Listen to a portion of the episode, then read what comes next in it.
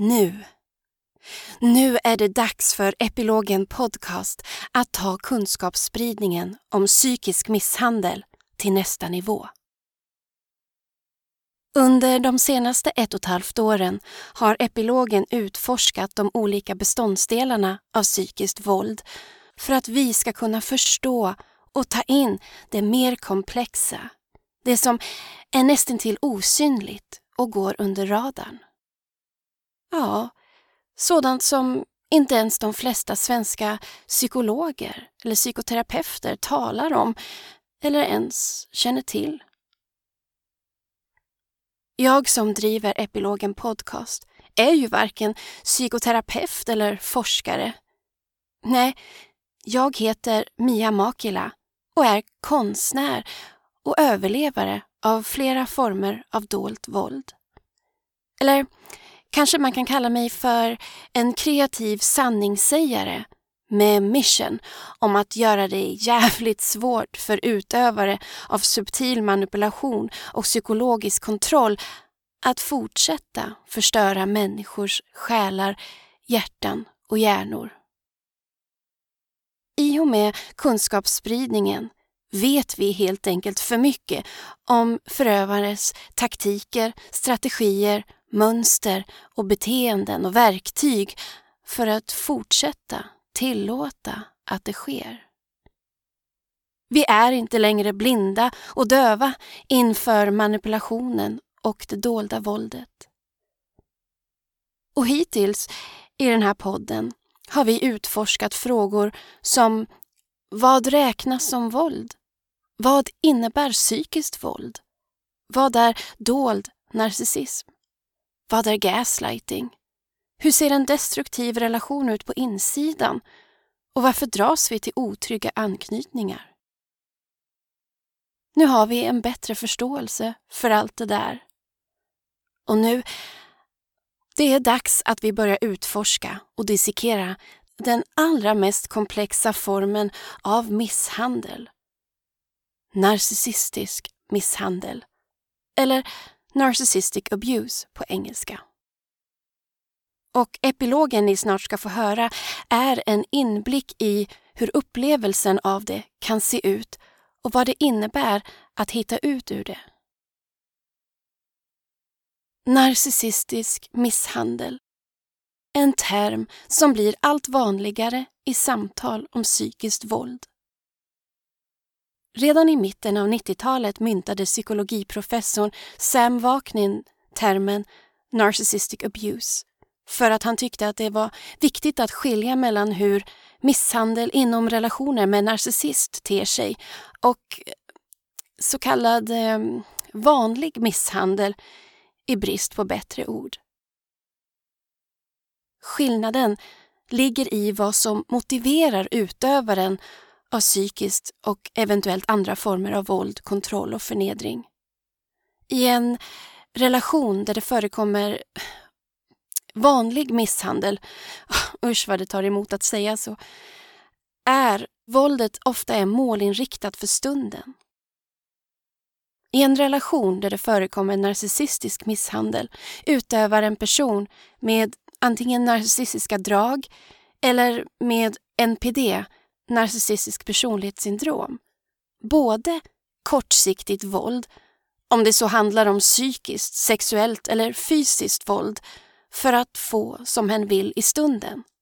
Och samtidigt på ett helt annat plan eller skikt av verkligheten utövar långsiktigt våld genom att använda subtila former av manipulation, härskartekniker, psykiskt och emotionellt våld som den drabbade inte märker av och sen långsamt bryts ner och därmed hänger sig till narcissistens vanföreställningar om sig själv och sin verklighet. Lite som att ofrivilligt gå med i en tvåmanssekt som man inte ens förstår att man är en del av. Från och med nu i Epilogen Podcast kommer jag som sagt att fokusera på att förklara, exponera, illustrera och bryta ner narcissistisk misshandel i sina beståndsdelar. Men Det är även viktigt att vispa upp fakta med att porträttera hur narcissistisk misshandel känns på insidan när man inte ens förstår att man utsätts för det.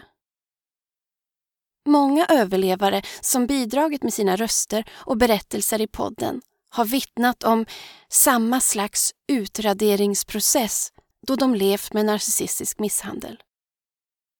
Att förövaren varit en parasit som med tiden suger ut ens egen verklighetsuppfattning, självkänsla, identitet, glädje, intressen och livsglöd. Tills man dör det jag kallar livsdöden, då man har tappat bort sig själv och bara existerar med en puls. Livet med en narcissist känns ofta som en psykologisk thriller eller som en rysare. Man spelar liksom ofrivilligt en roll och börjar alltmer bli en gäst i sitt eget liv.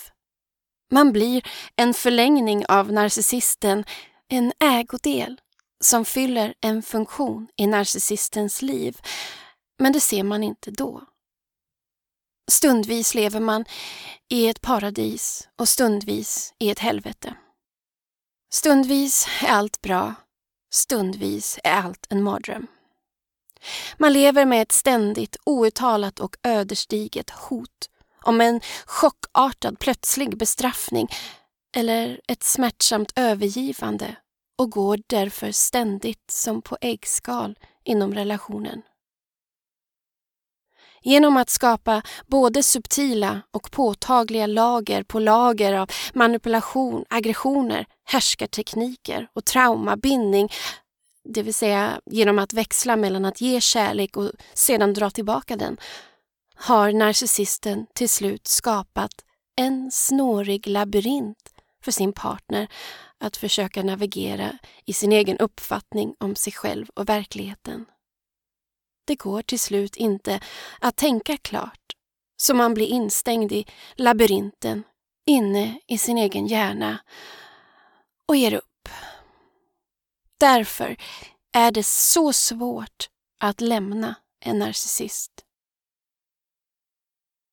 Överlevaren Helena porträtterar allt detta så bra i sin epilog som ni snart kommer att få höra.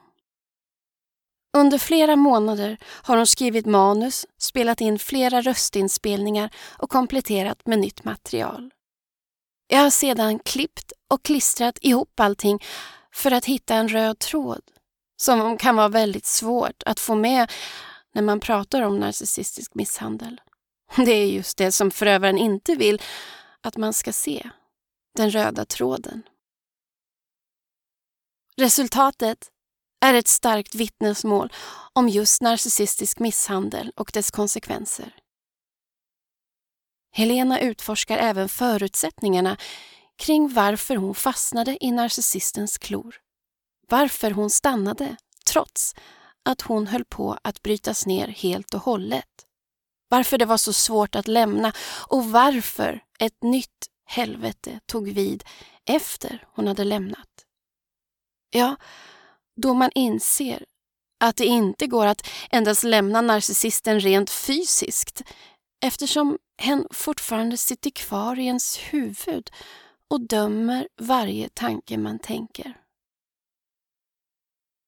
Det är först när man inser att man tillåter förövaren att fortsätta att stalka en genom ens egna tankar som man blir redo att äntligen försöka hitta ut ur den rysare man har överlevt och börja leta efter utgången av labyrinten för att till slut kunna hitta tillbaka till sig själv.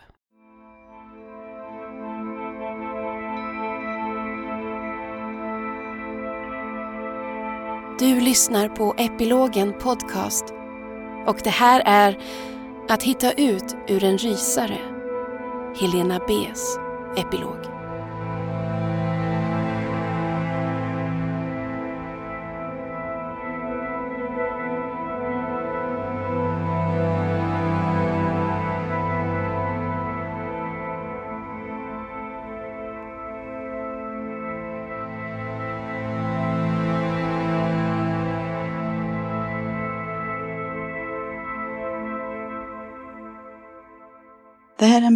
Är som nog länge kommer att kännas som just det. En berättelse. Eller en film kanske, där jag själv spelar huvudrollen. Med manus på hand, vilket jag ju tyvärr inte hade då, så skulle jag nog aldrig deltagit i den här filmen. Den var en rysare av rang. Men den sades vara ett drama eller en romantisk film. Men filmen jag var med i är en sån där som gör att man inte kan somna efteråt riktigt. Ja, en sån film som gör vem som helst faktiskt illa till mods. Det som började som en dröm, det blev snart en mardröm. Som jag fortfarande, 13 år senare, kastas tillbaka till. Men nu börjar vi från början.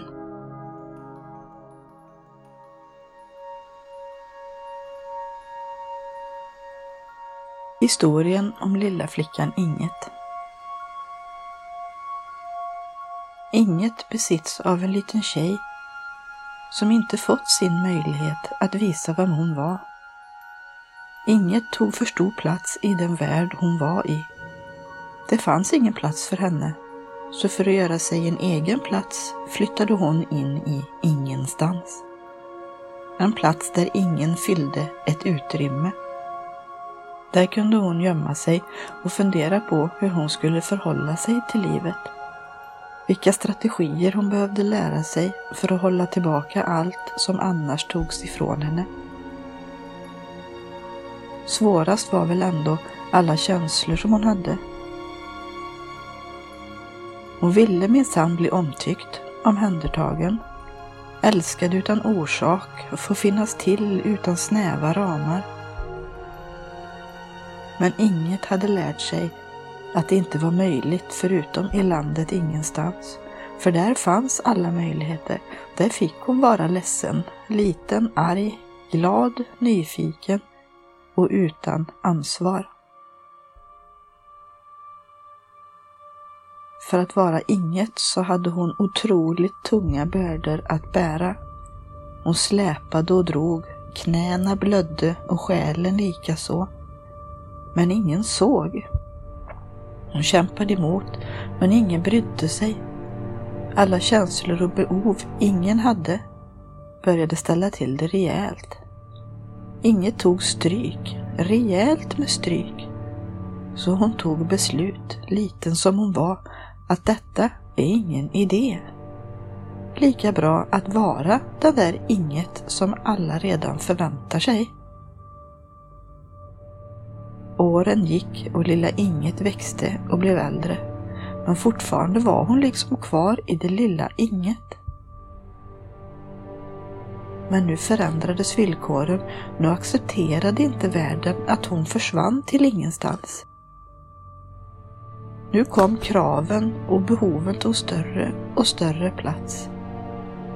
Men det var ju aldrig någon som visat inget hur man gjorde, vem hon var, vad som är viktigt. Hon hade inte en aning om att hon var viktig. Men en taktik är ju givetvis att vara oumbärlig. Att visa andra människors värde, det var hon proffs på. Att ta över ansvar som inte tillhörde henne, det var vardagsmat. Att få andra att känna sig älskade och betydelsefulla kunde hon på sina tio fingrar. Så hon förringade sig själv, intalade sig att hon ju var inget, ja på det sätt som hon själv framställde sig som nu för tiden. Men här och nu ändras pronomen från hon och henne till mig och jag. Trött på att vara opersonlig med mig själv, varför kan jag inte förrän i denna stund inse att så är det? Jag har aldrig sett eller tänkt på henne som mig själv. Vilken distans! Vilket avstånd! Men här står jag nu och jag heter Helena men mitt andra namn är fortfarande inget. Det hänger liksom med. Nu stod det klart för mig att ingenstans inte längre funkade. Jag var tvungen ut, bli någon eller något. Men vad? Jag kunde ju inget. Jag visste ju inget. Jag har alltid haft en sanning som inte var min. En påtvingad sanning. Du får ett berättigande för det du presterar. Så ju mer jag försökte, om jag aldrig gav upp, då existerade jag. Ju mer motgångar jag fick, så sa en inre röst att jag aldrig fick ge upp. Fortsätt kämpa, för om du inte presterar något, då är du tillbaka på inget. Inget är en väldigt destruktiv form av något. Där lyckades jag aldrig. Där kan människor behandla mig hur de vill. Jag har ingen rätt att sätta emot. Sätter jag emot och visar att detta finner jag mig inte i, då är jag förvisad tillbaka till ingenstans. Och jag har gjort det till min sanning, att det är där jag hör hemma.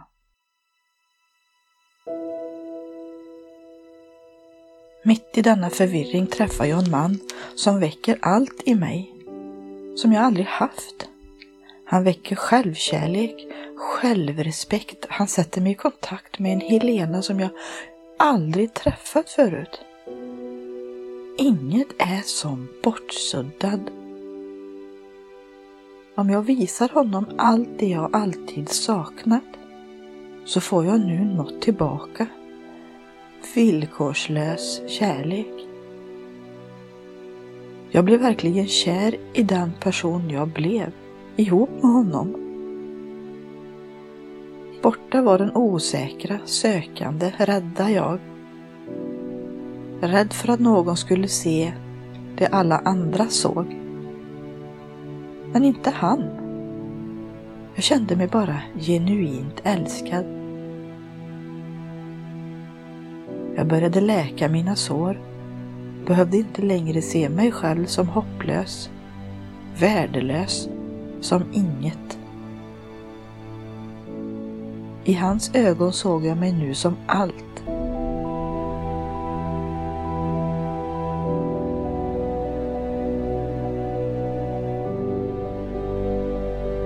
Plötsligt vaknade en tjej som lite i taget visste vad hon ville. Hon hade en man vid sin sida som bekräftade henne i allt.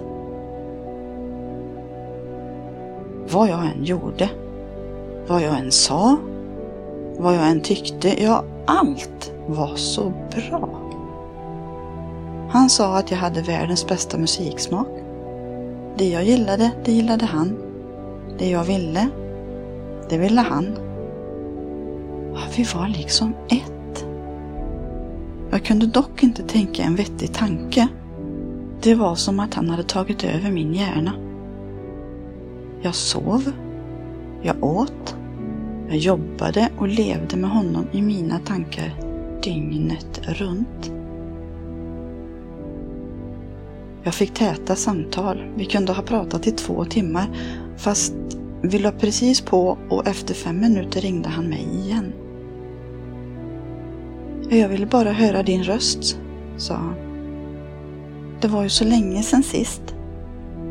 Alltså, ja, jag bara smälte. Jag var helt euforisk, i ett lyckorus. Vilken kick! Detta varar kanske ett år. Och i slutet av året började jag reagera på hur han ibland kunde uttrycka sig och bete sig. Han kunde vara snorkig mot kassörskan i affären, tyken och elak mot sin mamma, men på ett sätt som var outtalad. Han uttryckte en sak, men om man tänkte efter lite så var det ju inte riktigt det han sa, eller? Det fanns liksom hela tiden mer mellan raderna. Han var alltid arg i trafiken. Och alltid tycktes andra förare köra för sakta eller på något vis störande för honom. Det kunde innebära omkörningar i skymda kurvor över krön eller på andra olika sätt rent dumma. Med fara faktiskt för allas liv. Men hans konsekvenstänk var som bortblåst när han blev så arg. Han hade rent allmänt en väldigt kort stubin. Men kär som jag var så hade det bästa bortförklaringarna till hans. Han hade nog en dålig dag. Ja, det är ju mänskligt att tappa humöret. Jag förstod nog bara det hela. Det var nog inte så det var. Detta sa jag varje gång, som om jag försökte övertala mig själv. Och det funkade ju varje gång, för han visade ju mig fortfarande hur underbar jag var. Så jag hade överseende med allt. Jag ville inte se vad som hände. Jag stängde av magkänslan. Jag ville inte att detta underbara skulle sluta. Han fick ju mig att må så bra. Ingen såg ju på mig som han. Han var nu mitt syre. Men nu började dåliga humör spilla över på mig och jag kunde plötsligt inte köra bil alls visade det sig. Jag bromsade för mycket, jag gasade på fel ställen. Han hade åkt längs denna väg i 45 år. Och alla, ja framförallt jag, skulle ju köra den bättre. Resorna var längre inte fyllda av härliga samtal utan byttes nu ut mot tukt och förmaning. Och oftare och oftare även ilska och nedvärdering. Jag pratade också alldeles för mycket och var alldeles för impulsiv. Men enligt alla timmar och månader då han uttryckte sig tvärsom. Var tog de vägen?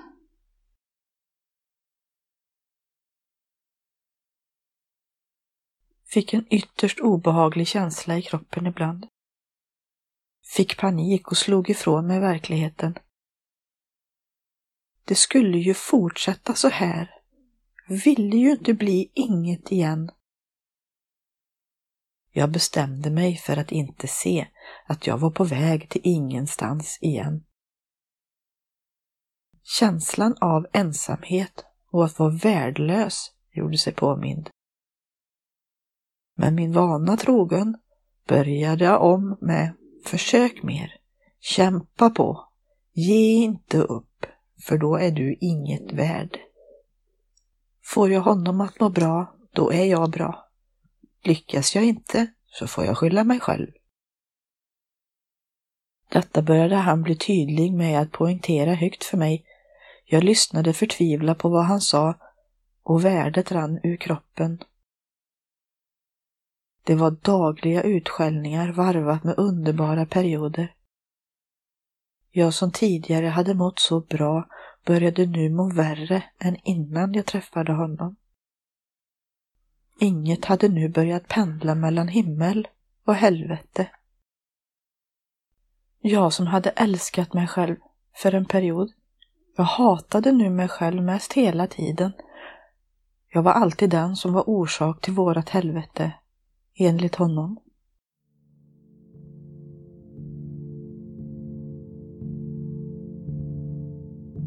Han blev arg för absolut ingenting. Och han blev lika arg för litet som stort. Han befann sig aldrig på olika delar av skalan beroende på vad det var som hade fått honom att bli arg. Utan det var alltid av eller på.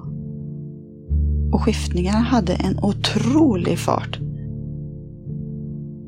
Han var helt otrolig på att kritisera alla andra, men han själv var totalt ofelbar. Jag har aldrig tidigare stött på någon som verkligen aldrig gjorde fel. Och gjorde han trots allt fel så berodde det alltid på någon annan. Hans sätt att kritisera andra var helt otrolig.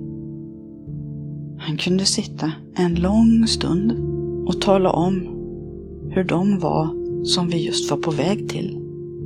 Vad det var för några idioter undrade ofta hur han kunde möta deras blickar när vi kom fram och varför han ville umgås med dem om han uppfattade dem så här. Det var heller ingen skillnad på vem han pratade om. Det var både familj, vänner, chefer. Ja, de flesta faktiskt. Hans chefer kunde enligt honom skatta sig lyckliga att de hade honom som anställd. Deras firma hade aldrig funkat så bra annars, för utan hans kunskap så hade de ju stått sig slätt.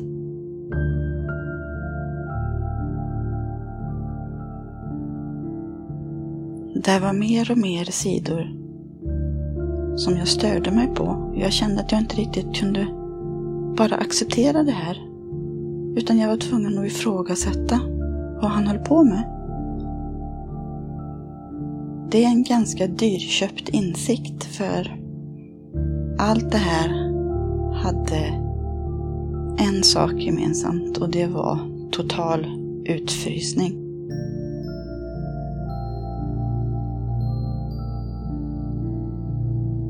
Det fanns situationer där han hade varit så elak mot mig och jag hade varit så ledsen. Allt jag ville ha, det var en förklaring. Kanske om vi kunde diskutera igenom det och se vad som hade blivit fel. Men tyvärr fungerade inte hans vardag på det viset överhuvudtaget. Utan hans sätt att lösa det, det var att försvinna.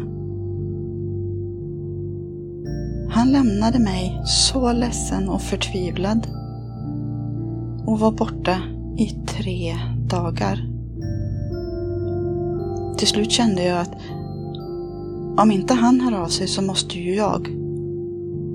Och då hade jag ändå haft några dagar på mig att göra om det här ifrån att han hade varit dum emot mig till att jag har nog antagligen gjort någonting som fick honom att bli så arg. Så när jag ringde upp honom så var det med en stor klump i magen ett hjärta som slog så fort, munnen var alldeles torr. Jag visste inte vad jag skulle säga och jag visste vad än jag sa så skulle det här komma att bli väldigt fel. Men jag var ändå tvungen att ringa och ta tag i det här, för det var ju liksom så jag var van att göra. När jag fick tag i honom, så det värsta han sa var Jag orkar inte höra på ditt tjafs. Jag orkar inte hålla på och bråka med dig om allting. Så uttryckte han det. Jag fick inte vara ledsen och jag fick inte reda ut någonting. Utan skulle det här samtalet fortsätta så fick jag lov att återigen svälja min sorg, min ilska och allt det som var ledset i kroppen och bara låtsas som att det aldrig hade hänt.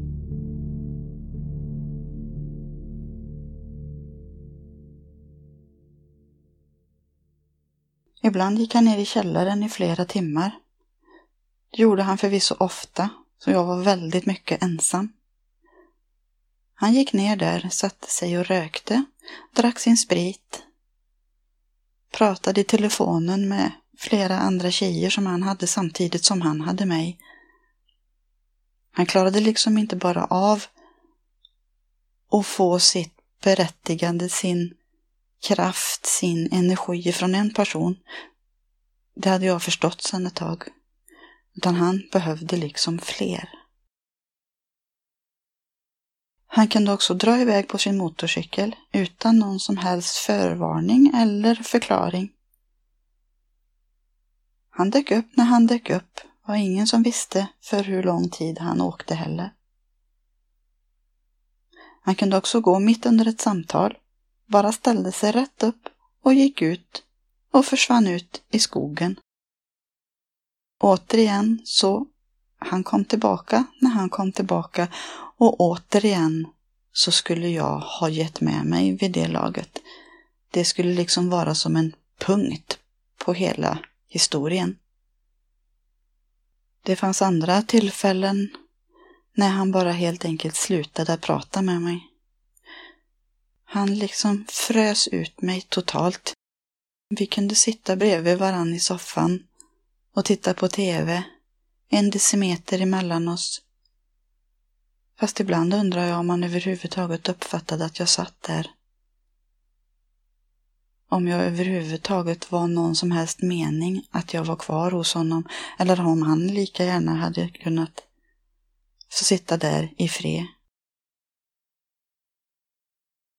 Han kunde också visa en sån vrede. Jag kan inte uttrycka det på ett annat sätt än vrede, men det känns som att det inte är nog. Jag önskar att jag hade ett kraftfullare ord. Det var som om det vände honom totalt ut och in. Och det vände framförallt mig ut och in när han blev så arg. Jag var så otroligt rädd för att starta hans vrede. Ofta bröstade han upp sig och hävde ur sig sin ilska mot mig och jag var så rädd. Jag var så rädd så jag mådde illa. Han blev svart i ögonen och han bet ihop käkarna, han knöt nävarna. Han blev som ett monster. Jag försökte bara vara avväpnande, jag försökte förmedla kärlek och omtanke, men han bara accelererade. Ibland önskade jag faktiskt helst att jag hade varit död istället för att stå där och lyssna på det här. För att ta emot den vreden. Eh, jag kan inte komma på någonting som gör mer ont. Den här riktiga, riktiga vreden användes oftast när han tog något som kritik. Fast jag var alltid så fruktansvärt noga. Jag, om det var någonting jag kände att jag var tvungen att ta upp med honom. Jag kunde sitta i dagar och fundera om jag säger så här. Om jag kanske uttrycker mig så här istället eller om jag, om jag kanske skrattar lite samtidigt som jag säger det så kanske han inte blir så arg. Om jag kanske försöker höja rösten lite och, och nej. Det är nog ingenting som jag kan ändra på. Hur jag än gör så vet jag att han kommer att bli arg, men ibland tog jag lite mod till mig och tänkte Ja, ja, det får bära eller brista. Jag måste ju ändå kunna få tala om och säga ifrån. Men varenda gång så ångrade jag mig så fruktansvärt när jag stod mitt i det och tänkte varför skulle jag tro att det kunde bli bättre den här gången. Om han någon gång bara kunde vara precis så arg som tillfället behövde. Men han var ju aldrig det. Ena dagen kunde han bli helt galen för att jag skar osten fel och han var arg i flera dagar. Alltså jag kunde förvänta mig så mycket verbal skit. Jag fick höra vilken idiot jag var, hur kass jag var som människa. Att jag dög ingenting till. Jag var en jävla kossa. Ett våp. Han hatade mig och allt jag stod för. Han kunde hota mig med att lämna mig för en sån struntsak som en ost.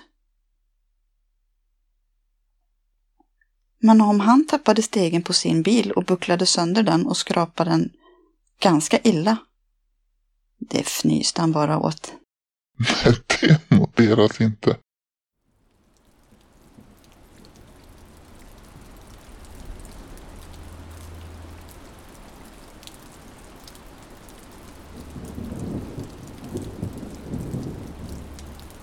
Jag har också en händelse som liksom har etsat sig fast i mitt huvud. Som ofta spelar upp sig som en loop om och om igen. Där jag fortfarande kan ifrågasätta vad där gjorde jag som blev så fel. Det var en sån där dag. En regnig dag som han ofta tyckte passade till att tvätta bilen. Så han gick ner i källaren hämtade en avfettning, gick upp och sprayade över bilen. Sen gick han ner i källaren en stund igen, som han ju alltid gjorde. Och när han var klar med sitt där nere så kom han upp till mig och satte sig bredvid mig i soffan.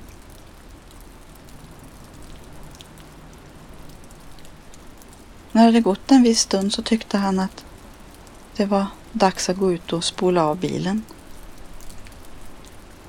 Så han gick ner i källaren och började rota upp sakerna som han behövde ha upp. Han hämtade hink och svamp, vattenslang, högtryckstvätten. Och jag kom ut och där låg slangen. På backen. Alldeles nedanför hans bil. Jag såg ju att hela bilen var alldeles brunrandig så jag förstod ju att avfettningen hade gjort sitt.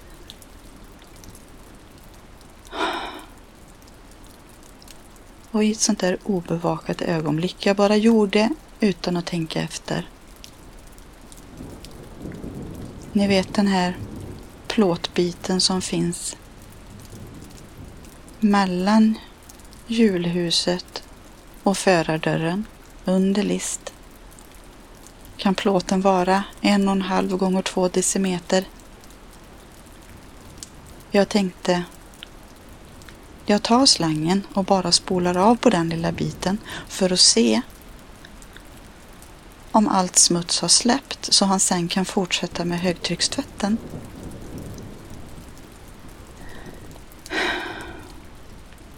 Dum som jag var så börjar jag spola. Lite försiktigt och han kommer upp och ser mig stå och spola. Alltså det fortfarande efter så många år knyter sig i min mage när jag tänker på det här. Han blev så arg. Han tog tag i mig, vråla åt mig hur fan kan du vara så jävla dum så du inte spolar av bilen med högtryckstvätten?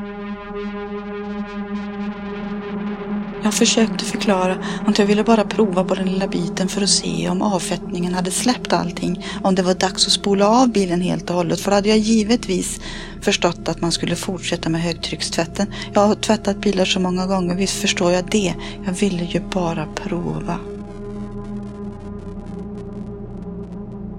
Han sög tag i mig, släpade in mig i huset, tryckte ner mig i soffan.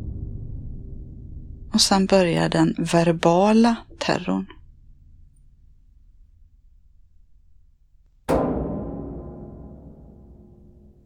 I timtal stod han och skrek åt mig.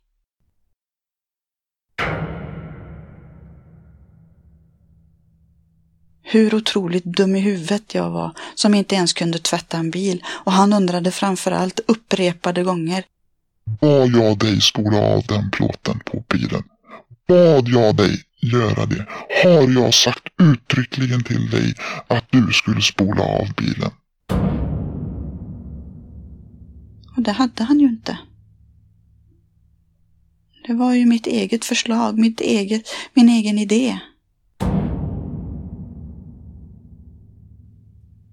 Fast jag borde ha vetat bättre. Man ska aldrig, aldrig, aldrig någonsin göra någonting för honom utan att han har bett. Och då uttryckligen exakt veta vad har du bett mig om. Men den här gången glömde jag visst av det.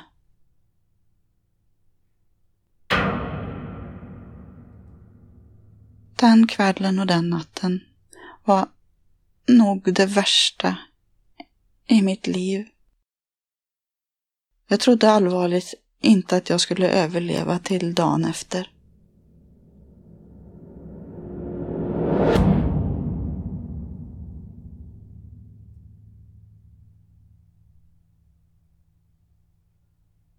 Han hade gjort sitt och tyckte att han väl hade lärt mig en läxa vilket han ju faktiskt har gjort, för det är först idag som jag faktiskt törs tvätta min egen bil utan att få full panik. Han tog alltid reda på exakt när jag åkte hemifrån. Han visste exakt hur lång tid det skulle ta längst vägen upp till honom. Han hade kalkylerat hela vägen. Han kunde ringa mig ett par gånger under resan och fråga var jag var. Ibland så åkte jag via affären och skulle handla lite med mig som jag kände att jag var sugen på. Någon enstaka gång svängde jag in hos en kompis på vägen och jag visste att där kunde jag inte stanna någon länge för jag visste vad som väntade mig om jag gjorde det. Men bara en kort stund. Och han vart alltid lika arg på mig. För han tyckte att det var alldeles för lång stund. Och jag hade saknat honom under flera dagar och tyckte att det var skönt att komma upp och träffa honom. Och han var arg på mig när jag klev in genom dörren. En av de här gångerna när jag handlade på vägen upp, han hade uttryckt till mig han var så trött, han hade haft en tung vecka och han ville så gärna ha köttbullar och mos till middag. Återigen dum nog att tänka att okej, okay, han är jättetrött. Det är vi båda två. Vid sådana tillfällen brukade vi alltid köpa mamma Scans köttbullar och liksom bara steka på och vara nöjda med det. Så här tog jag återigen ett eget initiativ. Köpte mamma Scan, åkte upp till honom, kliver in genom dörren och är jätteglad att nu ska vi göra mat och sen sätta oss och ta det lugnt. Återigen har jag så fel. För givetvis skulle jag ha frågat honom först. Vill du att jag ska köpa köttfärs så vi kan göra egna köttbullar eller vill du att jag ska köpa färdiga? Självklart så valde jag 50 chans fel. Men jag vet också idag att det hade inte spelat någon roll, för hade jag köpt köttfärs för att göra egna köttbullar så hade det varit fel, för då skulle jag ha köpt mamma Scan. Han var helt enkelt inte intresserad av vad jag köpte. Han ville bara bråka. Han ville bara visa att han har makt över mig. När han blev så där arg, då blev han alltid väldigt snäll efteråt. Han var helt fantastisk på att skifta. Emellan kallt och varmt. Emellan snäll och elak. Emellan jag älskar dig och jag hatar dig. Det förvred min skalle. Jag fick hela tiden höra att jag ljög. Det var liksom samma slinga varje gång som han rabblade upp, ungefär som en trasig LP-skiva. Den bara hackade och gick, samma, samma, samma, hela tiden, som om han ville övertyga mig om någonting som jag inte riktigt visste vad han skulle övertyga mig om. Jag fick aldrig ihop den här slingan. Hela jag skrek att det är någonting här som inte stämmer. Jag hade aldrig kunnat sagt och gjort sådär. Inte en chans. Ingenting utav det där stämde med vem jag var, hur jag skulle hantera saker, hur jag skulle göra. Han verkligen hackade in sig i mitt huvud. Sin version av detta i mitt huvud. Jag kollade upp dessa händelser efter ett tag. Efter en tid efter att vi hade brutit upp och det han påtvingat mig att tro på, det var inte sant. Alla dagar, nätter, timmar, år av sån ångest och hans ilska så var det bara skitsnack. Jag skulle ha lyssnat på min magkänsla återigen. Att det här var ett sätt för att försöka få makt över mig. Fortsätta ta min hjärna i besittning.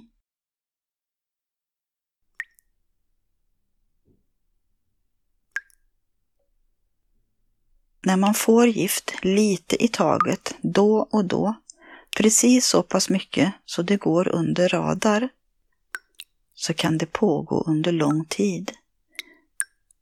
Det är just det som är det luriga ganska likt kinesisk vattentortyr. En droppe under en viss tid, det fungerar. Men till slut står man inte ut mer och dropparna blir tortyr. Allt detta har en gemensam nämnare. Tid.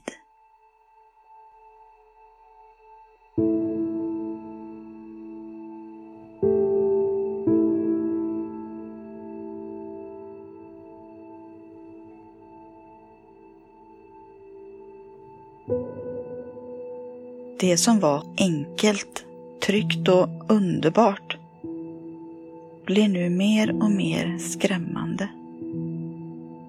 Ensamt. Kallt och rädslan börjar etablera sig. Orden ”jag älskar dig” avtar. Bekräftelsen kommer lite då och då, men inte lika stark. Känslan av att vara uppskattad är betydligt mindre. Men mina ansträngningar blir större och större. Jag försöker hitta lösningar som är väldigt ytliga. Jag liksom grabbar efter halmstrån. Jag köper godis han gillar. Köper nya kläder som jag hoppas han gillar. Jag köper honom sprit kommer med förslag på mysiga saker att göra. Och för närhetens skull ger jag honom massage. Ja, så här fortsätter det. Ibland får jag en stund av min dos. Och nu har jag gjort någonting rätt, men, men jag har inte en aning om vad jag gjorde rätt. Så jag har inte en aning om vad jag ska fortsätta göra. Och då är det nya försök i antågande. Det märkliga är att ju mer han drar undan doserna, ju mer försöker jag, ju mindre blir jag. Ju större blir han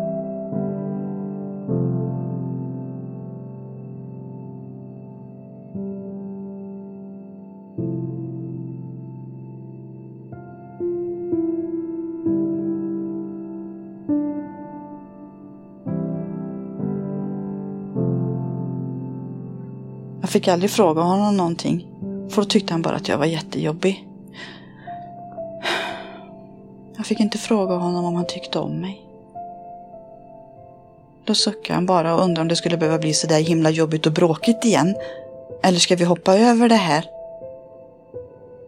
Det förstod jag ju snart att jag vill inte ha det så där bråkigt igen. Jag vill, jag vill ju bara veta om han fortfarande tyckte om mig.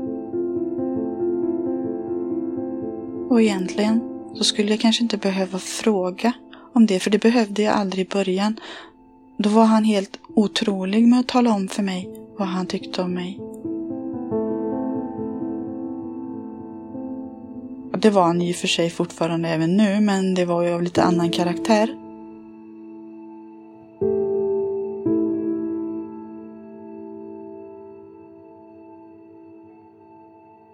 Jag fick inte lov att visa några känslor för om jag blev ledsen så bemötte han det oftast med att han blev arg. Om jag satt och grät för att någonting hade hänt som överhuvudtaget inte hade med honom att göra så kunde han bli så arg. Om jag sen dessutom kanske var arg då skrattade han åt mig, precis som att han ville nervärdera mig och det sista han gjorde. Om jag var glad så kunde han bli jättearg, förbannad, tycka synd om sig själv. Ja, det är väl tur att du har någonting som gör dig så jävla glad då. Och nu glädjas med mig. Det tycktes inte vara någon möjlighet. Om jag kände sorg över någonting riktigt förtvivlad. Så var han så arg för han tyckte att jag förstörde hans dag om jag satt och grät. Ska du grina nu igen? fick man ju höra ganska ofta. Om jag behövde hans hjälp, vilket jag var sjuk, eller med min bil, eller något annat, så sket han totalt i mig, eller också hjälpte han mig. Om han hade lust. Och det spelade liksom ingen roll vad det gällde. Allt hände på inte hans det var inte ens dagsformen, utan det var liksom formen just nu och det kunde ju för guds skull ändra sig om en kvart. Så jag vet, jag funderade ofta varför han valde mig, om jag nu var så totalt värdelös. Och någon han var konstant arg på. Varför lämnade han mig inte? Eller varför valde han mig i första hand? Det enda jag kommer på jag har mycket empati i gruppen. Ja. Jag sätter andra före mig själv. Jag var medberoende redan innan han kom in i mitt liv. Jag hade en sån stor önskan att vara behövd. En sökare för att hela mig själv. Jag ville så gärna bli sedd. Jag behövde en medmänniska och jag var redan bekant med skuld och skam.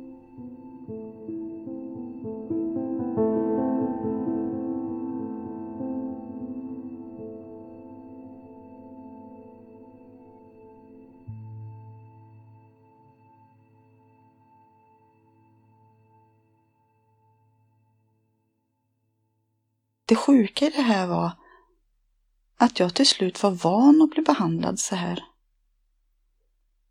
Det var liksom inte längre något konstigt med det.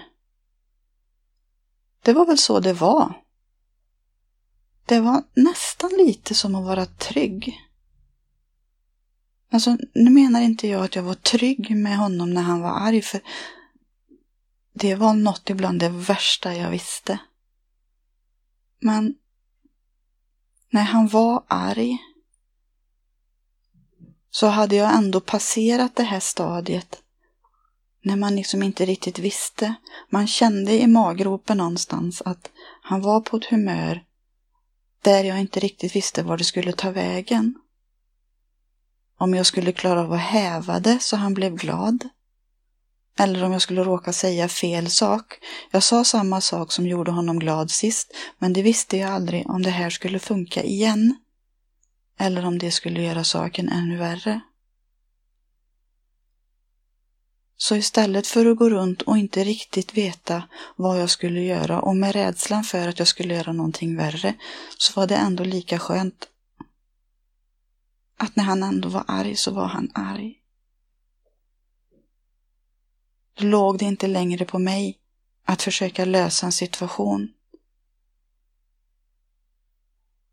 Det enda säkra var att vreden skulle komma. För gjorde den alltid, förr eller senare. Alltid. Den ständiga frågan som jag däremot aldrig kom ifrån, oavsett om han redan var arg eller om han var på väg att bli arg, var Kommer han att bli fysiskt eller psykiskt arg den här gången? Med sitt beteende han bröt sönder mig totalt. Det var inte mycket Helena kvar. Men en liten fläck hade jag långt där inne. Jag tror jag hade skyddat henne. Ifall någonting skulle bli för jobbigt och ibland kikade jag liksom fram. Det var som om där fanns något som han inte hade lyckats knäcka. Något som jag hade gömt, som var dolt för honom. Där fanns en kärna av kärlek och styrka. En egen röst som sa till mig att ta mig därifrån. Ett kurage, en vilja, omtanke och mod. Att vara en öppen själ. Ärlighet. Att vara sårbar och självständig. Fast i och för sig, det var nog bra att jag dolde det där, för självständig, det var någonting han hatade. Han var alltid så arg på mig för att jag var självständig. Han tyckte jag var så tråkig att jag klarade så mycket själv. Han ville helst inte att jag skulle prata om det som att jag kunde någonting själv. Han tyckte alltid att jag tog på mig äran för någonting som jag inte hade gjort. När jag då försökte förklara att men i den här situationen har jag ju gjort det här och det här. Och utan att jag hade gjort det så hade inte den här situationen löst sig. Så han kunde bli jättearg, helt galen. Och tyckte bara att jag försökte blåsa upp mig och göra mig större än vad jag hade rätt till. Att jag kunde ingenting. Jag var inte till någon nytta. Jag hade aldrig kunnat klara mig själv. Alltså han ville ta ur mig allt det här, helt och hållet verkligen. Ta bort det sista jag hade. Han lyckades nästan.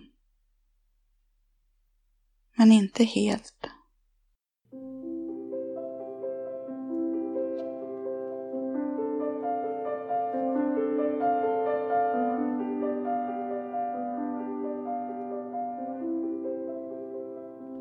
Jag är nu bara en robot.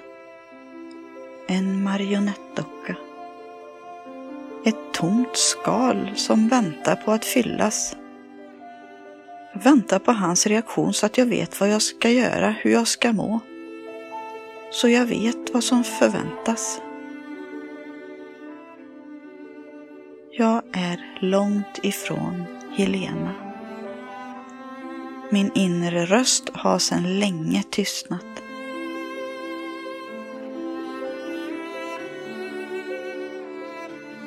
Där finns bara ett tomrum. Smärta. Jag tycker inte längre om mig själv. Inte om honom heller. Skadorna, både de fysiska och de psykiska, börjar kännas som en uppfostran.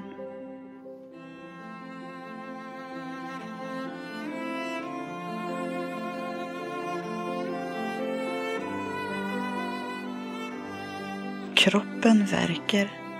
Själen verkar. Tårarna innebär inte längre smärta. De innebär självhat. Av rejäla mått.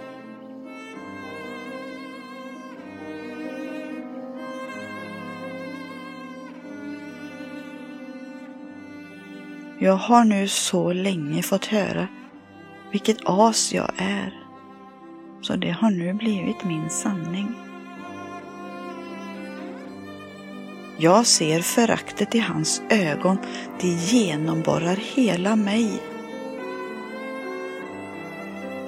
Jag har inte längre något som helst värde. Mitt liv är ett mörker.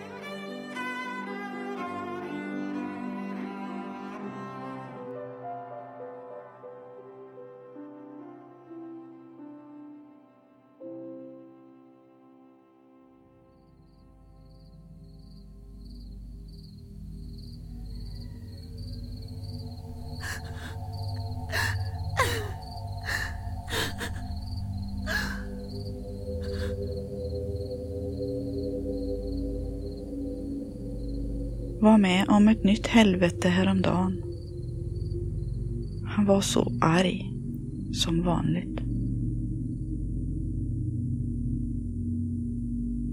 Jag försökte fly ut genom dörren för att slippa vidare följder. Slänger upp dörren och tänker rusa ner för trappen när han slänger sig efter mig och tar tag i mina ben. Jag far huvudstupa ut för trappan och slår mig rejält.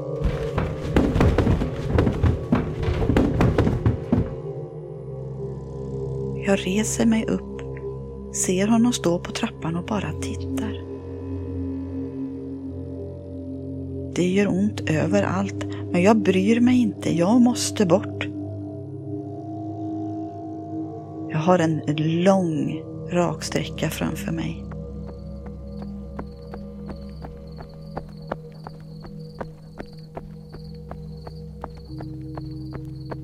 En sån där som aldrig tycks ta slut.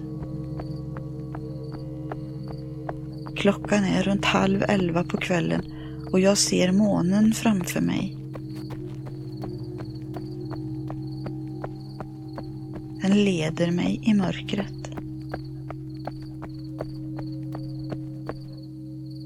Men nu ser jag strålkastare i natten som lyser upp. Jag får total panik och ökar takten till att börja springa igen.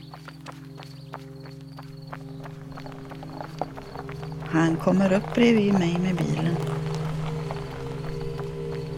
Han är väldigt full och borde verkligen inte köra bil. Hjärtat bultar i kroppen och jag känner mig svimfärdig av rädsla och värk. Sätt dig i bilen! skriker han.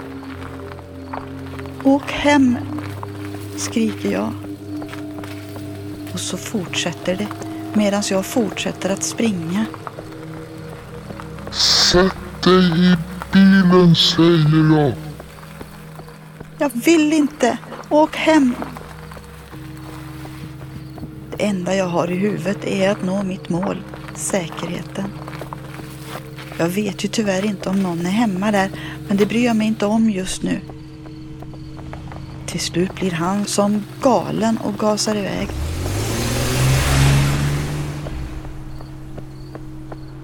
Ser honom vända bilen med en sladd nästan längre fram.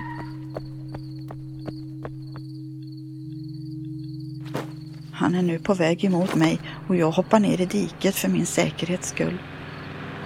Han susar förbi i en vansinnig fart och försvinner i mörkret.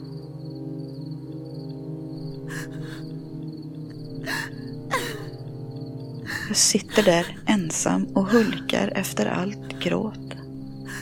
Men nu har jag bestämt mig. Jag ska lämna.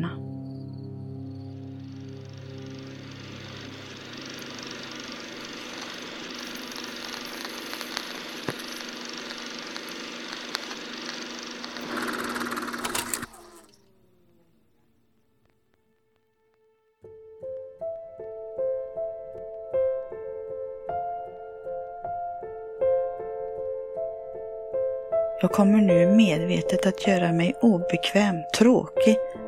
Ja, allt jag kan för att inte ringa, smsa eller på något sätt ha kontakt. Hör han av sig så svarar jag, men inget annat. Han får inget utbyte utav mig. Jag har nämligen läst på om metoden Grey Rock. Bli som en stor tråkig gråsten. Något som inte ger honom den bekräftelse han så väl behöver. Nu ska jag göra mig fri.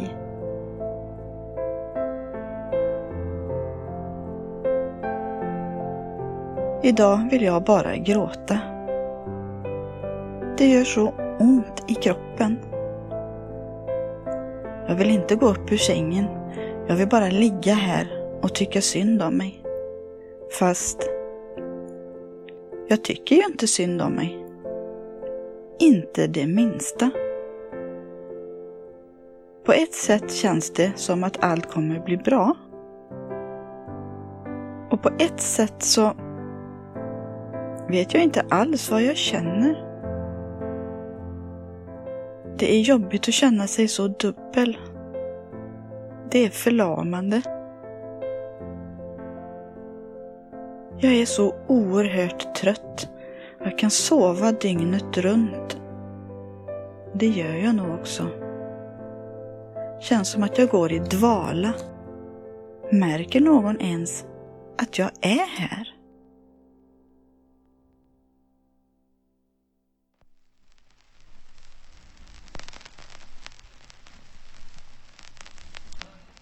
Vad var jag utsatt för egentligen? Det känns ibland som om jag inte kan ta in hela biten. Hela händelsen. Som om att jag får se trailers från min film. Ja, min rysare.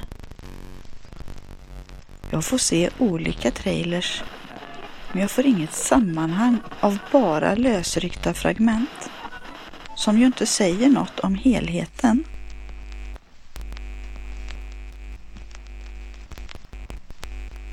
Ungefär som att lägga klart ett pussel där många bitar fattas. Har fått till mig att detta är ett skydd för mig. För att jag inte ska drunkna i den stora insikten. Jag får helt enkelt ta ett steg i taget.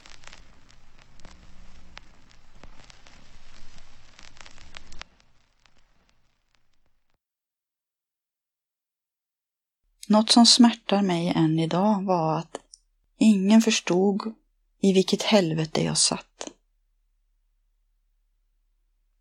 Men han var också en mästare på manipulation. En Dr Jekyll och Mr Hyde. Han var trevlig och tillmötesgående och kul och charmig, världsvan och reko och han ställde alltid upp. När det gagnade honom. Hade han vinning på att vara sån, så var det sån han var. Denna sida visade han oftast upp emot vänner, andra tjejer och framförallt hans chefer. Som om han försökte övertyga dem om någonting. Som att de inte skulle få se vem han egentligen var. Han liksom la i en högre växel. Hur ska man kunna se något annat när han inte visar något annat? Jag tänkte, önskade ibland att han skulle slå mig sönder och samman på ett sätt som jag inte kunde dölja, så alla kunde se. Liksom en bruten arm eller ett knä ur led. Ett gips, några kryckor, något synbart, blåmärken. Jag vet nu i efterhand att det fanns de som förstod, fattade, att något var väldigt fel. Men de visste inte hur de skulle närma sig mig och ställa frågan förrän senare. Och det är jag så tacksam för. Det var inte längre min hemlis. De ringde upp mig och var raka och ärliga i sin fråga. Tack till alla er. Jag har ju själv varit en av dem som inte förstod varför någon som har blivit misshandlad inte lämnar. Men jag vet nu att det är inte så lätt. Det är oerhört svårt. När någon liksom har tagit över din hjärna. När du inte får ordning på om det är din känsla eller om det är hans känsla jag går och bär på just nu. Om jag gör det här för att jag är van att göra det här eller om jag gör det här för, för att jag inte vågar göra någonting annat. Om jag köper blåbärsmuffins för att jag tycker om blåbärsmuffins eller köper jag blåbärsmuffins för att jag vet att han tycker om blåbärsmuffins. Och skulle jag mot all förmodan våga köpa chokladmuffins så vet jag att jag kommer att få jättemycket skit för det. Fast inte alltid rätt ut, inte rakt emot öga mot öga, utan hellre på ett sätt som långsamt kväver dig, som långsamt äter upp dig. Där du verkligen inte vet vad du har gjort för fel, eller har du ens gjort fel, eller blev han bara så arg för att det var onsdag, eller vad är vad? Där hjärnan är totalt söndersliten. Du kan inte tänka en vettig tanke för han har inte bett dig tänka en vettig tanke. Där du inte kan känna en glädje för han har inte sagt att du ska vara glad. Eller vad är vad? Så om jag någon gång får möjligheten och förtroendet av någon som söker sig till mig, vill berätta något som är så smärtsamt, där glöden i dess ögon har försvunnit, där jag uppfattar att hjärtat inte längre håller samma takt. Där gråten finner sig strax under ytan. Någon sträcker ut en hand och ber om hjälp för att överleva. Så vet jag nu att det krävs ett oerhört mod. En förlamande rädsla för hur det jag försöker förmedla ska tas emot. Ett hopp som kanske inte kommer igen. En stor risk för att få hjärtat krossat igen. En risk att dessa människor tror att jag ljuger och vänder mig ryggen. Och kanske allra värst tror på den som misshandlar. Du som får förtroendet, var varsam med det. Visa ödmjukhet och döm inte ut den som behöver hjälp. Det kan vara den sista länken människan har. Visa mänsklighet. Man vet aldrig. Nästa gång kan det vara du som har hamnat i en situation du aldrig trodde skulle hända.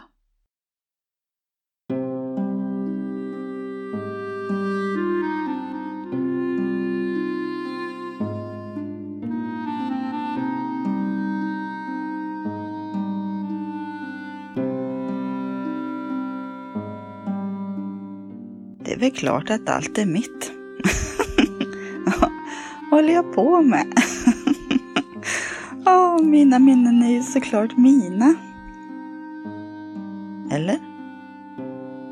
Håller jag på att bli galen eller? Sluta tänk på honom. Men varför då? Han som var så snäll. Vi som hade så kul. Nej, så var det ju inte. Vad är det nu då? Hör jag röster nu också?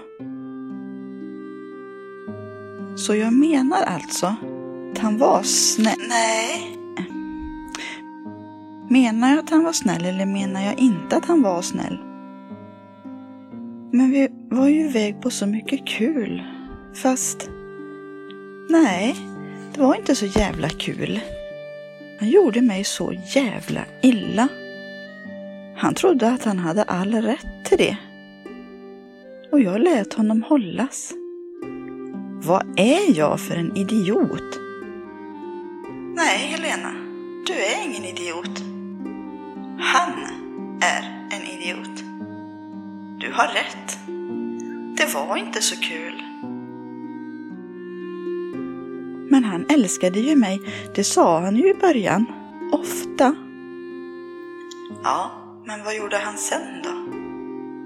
Vad hade du för känsla i magen? Kändes det bara bra eller var du dubbel? Hade du en känsla att något var fel? Att detta inte var äkta? Kände du att det han sa var sant och ärligt? Eller fanns det en känsla som undrade vad han egentligen tyckte? Var det så att han sa en halva och du fyllde i resten åt honom för att allt skulle bli rätt?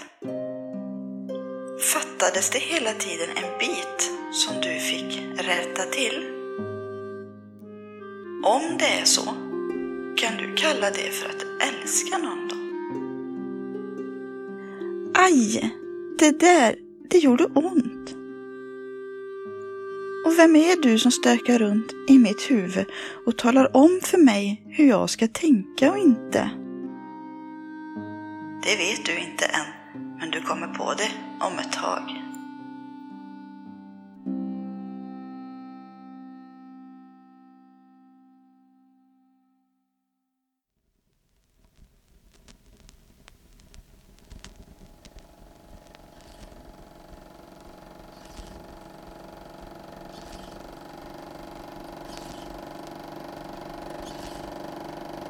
Jag är tillbaka i min film.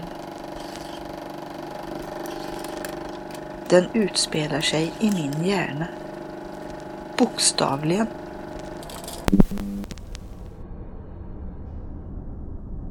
Jag ser hjärnan likt en stor labyrint. Det är en dunkel plats.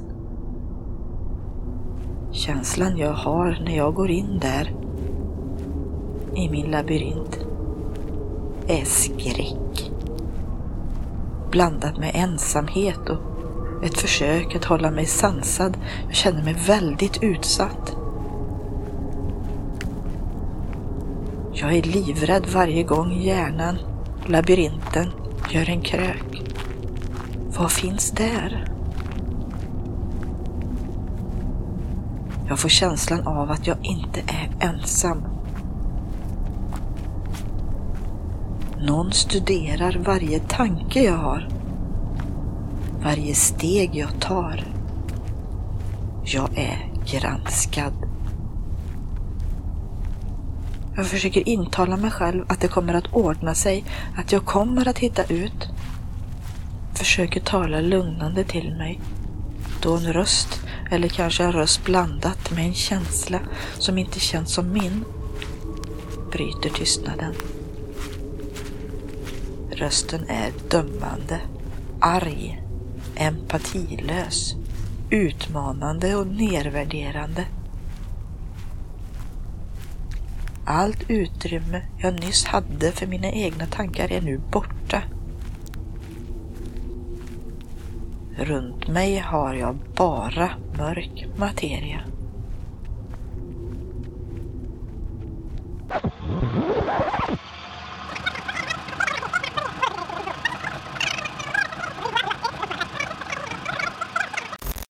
Filmen ändrar riktning och en mörk tornado tonar upp sig.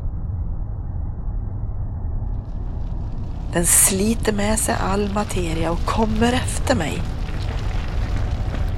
Jag börjar springa men tappar orienteringen totalt av skräck. Jag springer okontrollerat utan en tanke på något. Rösten talar om att det är roande att se mig så vilsen, okontrollerad och livrädd. Fortsätt springa för att roa mig. Vrålar rösten. Jag fryser till i steget. Jag blir stående. Helt paralyserad.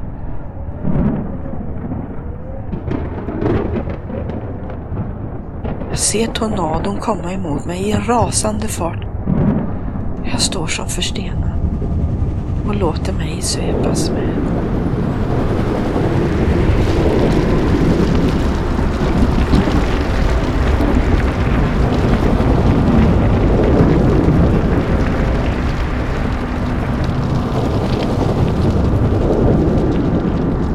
Jag far omkring.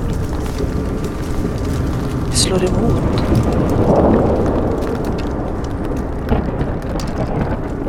Får ingen uppfattning om vad som är upp och ner. Jag känner en oerhörd smärta. Och hur livet rinner ur mig.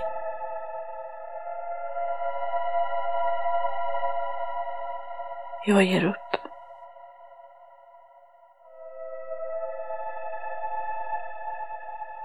Plötsligt, precis innan jag vill släppa taget, så kommer en känsla upp för mina ögon. Och allt stannar upp.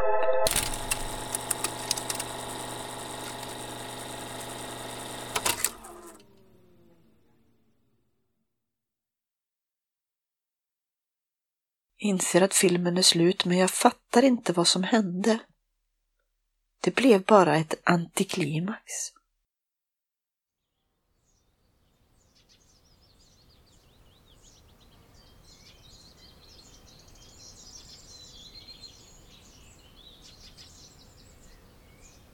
Sitter ute i solen mot husväggen när jag skriver detta.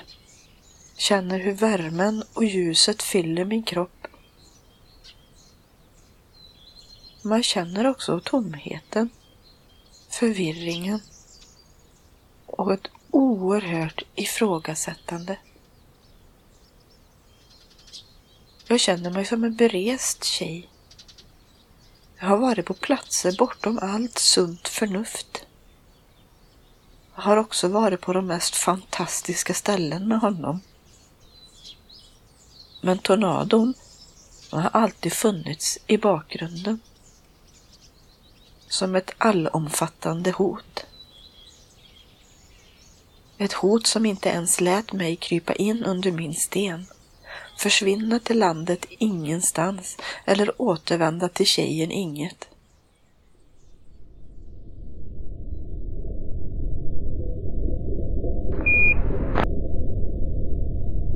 Som att flyta runt i oändlighet. Som att flyta runt i en katastroffilm om rymden.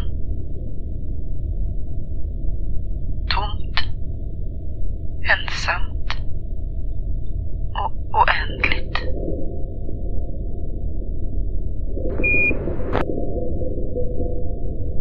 Med liten eller obetydlig chans till överlevnad. Här ute har ingenting någon mening. Känner en sån grundlöshet. Som en röd tråd genom hela mitt liv. En stor blinkande neonskylt där det står Nej, Nej, ni vet en sån där skylt som är ovanför biografer där det står vilken film som visas ikväll. Vit skylt med svarta bokstäver. Inget. Tjejen som sökte allt.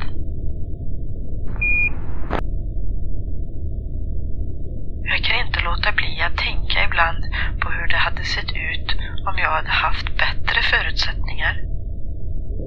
Jag kan bara gissa att han inte hade kollat åt mitt håll, eller jag mot hans. Jag hade visat en styrka som inte gynnat honom. Men mig själv.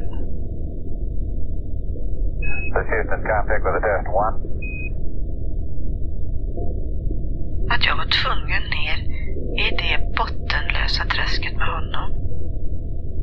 Från att lyfta hela mig till total utplåning. Allt våld, allt destruktivt som jag varit med om. Jag blir livrädd och väldigt ömsint inför mig själv. När jag inser hur nära döden jag var när jag tog mig därifrån. Jag inväntade verkligen döden. 54321, end of test. Jag har låtit en man kliva över alla mina gränser. Suddat ut många av dem. Hajjackat min hjärna. Det låter som jag haft en alien inneboende i mig. Synd bara att han inte var enormt stor, grön och slemmig med jättestora tänder. Då hade jag i alla fall reagerat. Men han var en uppenbar fara. Fast det inte syntes direkt. Det är svårt att se bortom allt fint när kompassen visar fel.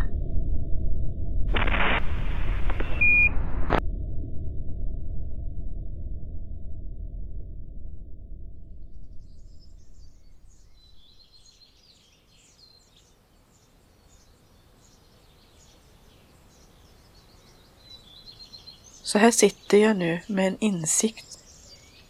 Det jag nu kan göra är att använda min lärdom om mig själv. Vända självhat till kärlek och omtanke. Vända självförakt till förståelse. Vända förtvivlan till motivation Vända ilska till energi och hopplöshet till mod. Mod att bli den jag är ämnad att vara. Bära mig själv med stolthet, inga mer labyrinter, utan fina vidder, grönskande och frodiga. Där jag får känna mig liten och ynklig, ledsen och rädd. Ha mina dåliga dagar. Jag får inse att jag inte behöver kunna allt. Att jag inte alltid behöver finnas där för alla. Att jag får säga nej. Att jag inte längre behöver bära ansvaret över hur andra beter sig emot mig. Att jag får ha en egen röst och att jag visst betyder något. Och plötsligt, där är jag. Eller du, min andra röst. Den som är klarare, starkare, mer varm. Som att få ett värmande bad och solen på kroppen.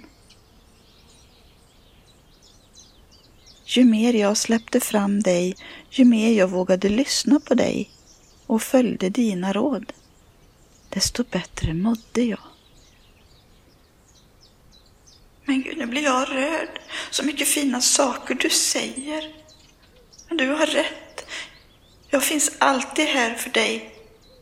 Så nu får jag ju höras riktigt ofta. Det är så skönt att du börjar lita på mig igen. Jag vill ju vara med dig. Ja, och jag har saknat dig. Det jag sett som mina två röster i huvudet, det börjar lugna sig och bli mer och mer en samstämmig röst. Eller egentligen en mer klar känsla. Det känns som om detta är jag.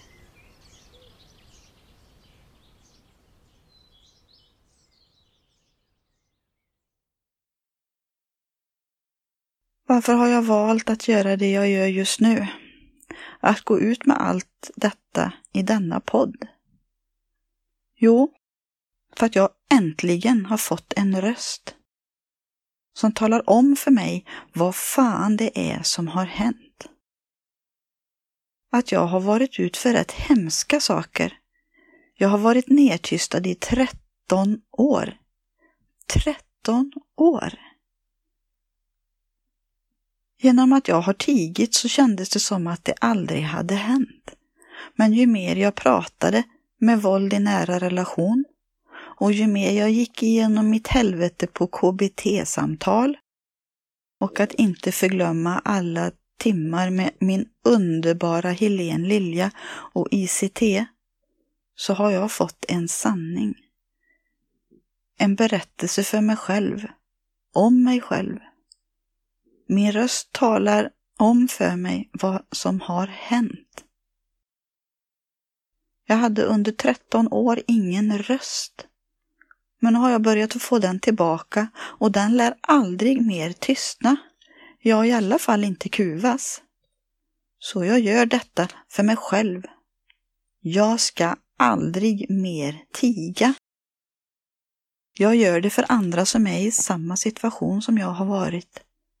Jag vill vara även deras röst. Jag gör det för min läkning.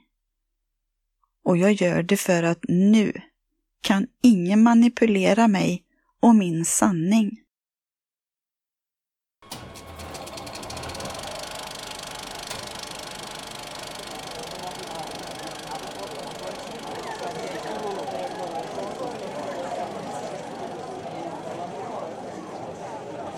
Idag är det biodag. Sista filmatiseringen om livet som flickan Inget.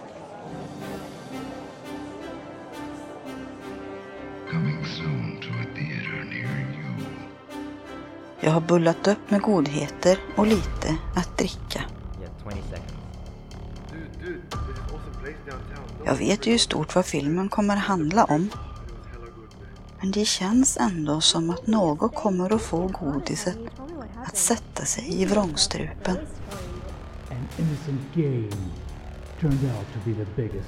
Ljuset dimras ner. Jag kanar ner i stolen.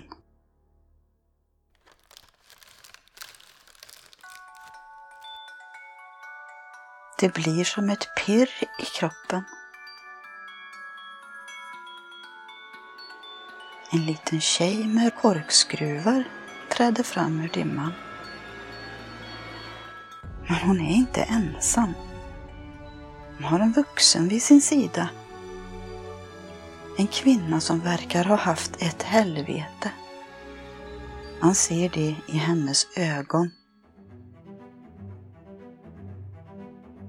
Känns som att hon är som en öppen bok att läsa. Hon finns här för att skydda sin lilla vän. En del av hennes själ som får törnar i livet. Hon har som vuxen levt i en rysare som gjort både henne och människor runt henne sömnlösa om nätterna. När skräcken smugit sig på och mörkret var det enda som omslöt henne. Hon är en tuff kvinna, men hon har ett hjärta av guld. Nu står hon här, väpnad till tänderna, beredd på strid. Hon öppnar dörren och kliver in i sin labyrint. Nu med vetskap om vad som väntar henne där.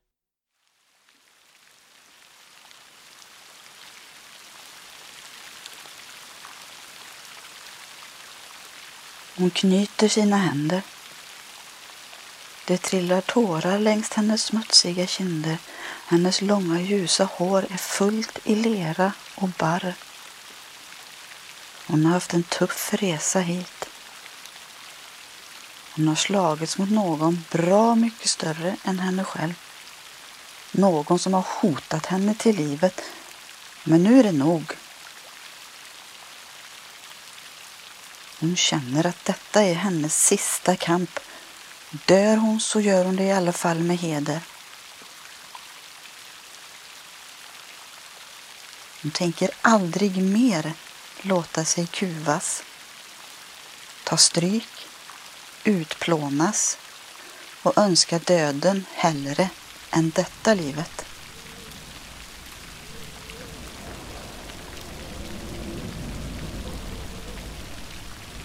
Vinden tjuter. Regnet piskar henne i ansiktet.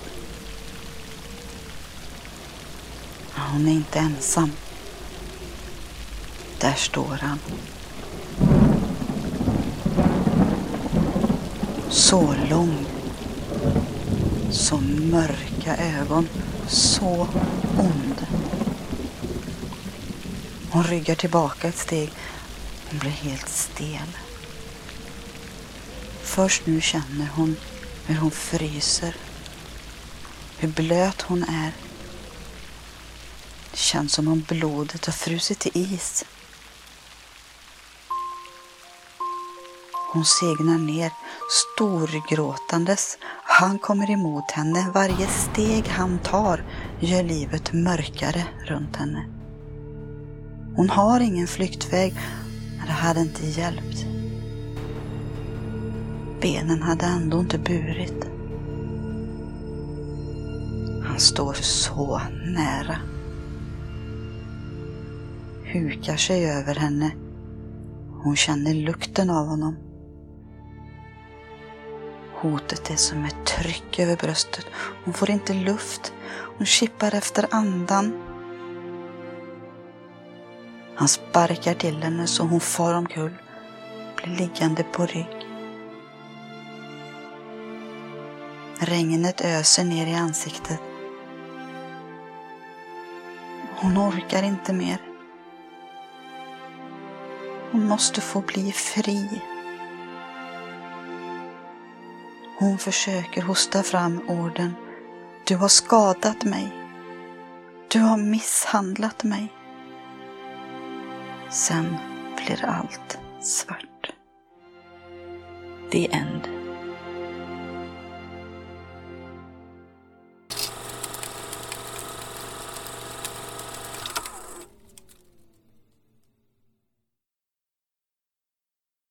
Bion är helt svart. Väldigt länge. Jag sitter här med en känsla av att han vann. Han vann fighten. Han var nog tvungen att vinna.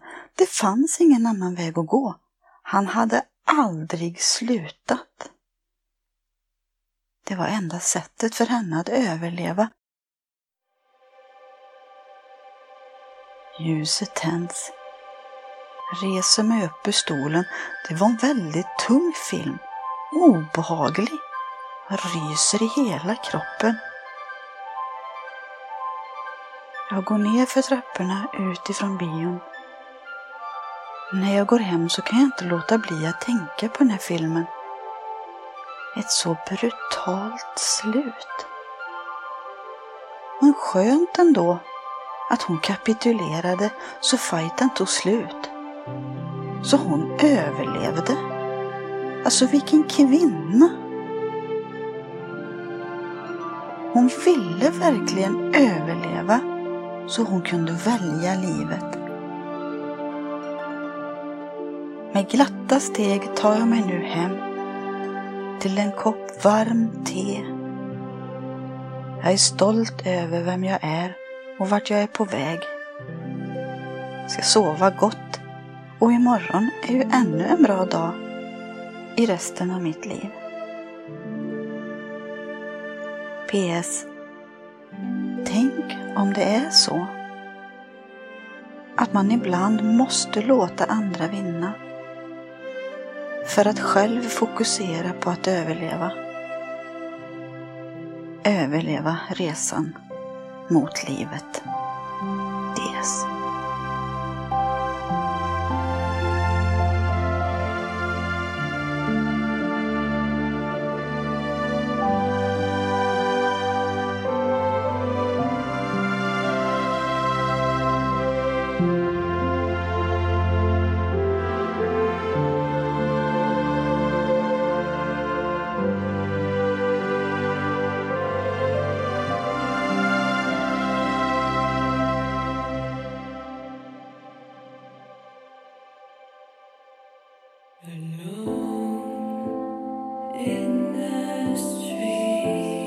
Har lyssnat på Epilogen Podcast.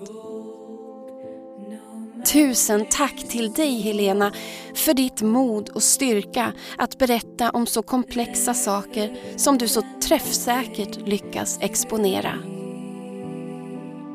Din berättelse är ännu ett viktigt vittnesmål om den omfattande skada som narcissistisk misshandel innebär på de som drabbas och varför det verkliga helvetet är den förvirring och hjälplöshet som väntar efter man har lämnat. Jag är så glad att du till slut lyckades ta dig ut ur den rysare som ingen ska behöva tvingas uppleva.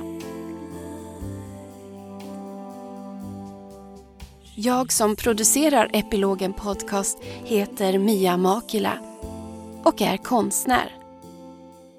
Mer info om mig, min konst och podden finns på miamakila.com. Om du inte redan följer Epilogen Podcast på Facebook och Instagram, gör gärna det. Jag postar dagligen inspirerande och motiverande inlägg. Om du vill dela med dig av din berättelse i podden, mejla på epilogenpodcast gmail.com Musik och ljud i avsnittet är poddsäkert. Mer info finns i avsnittsbeskrivningen. Tack för att du har lyssnat.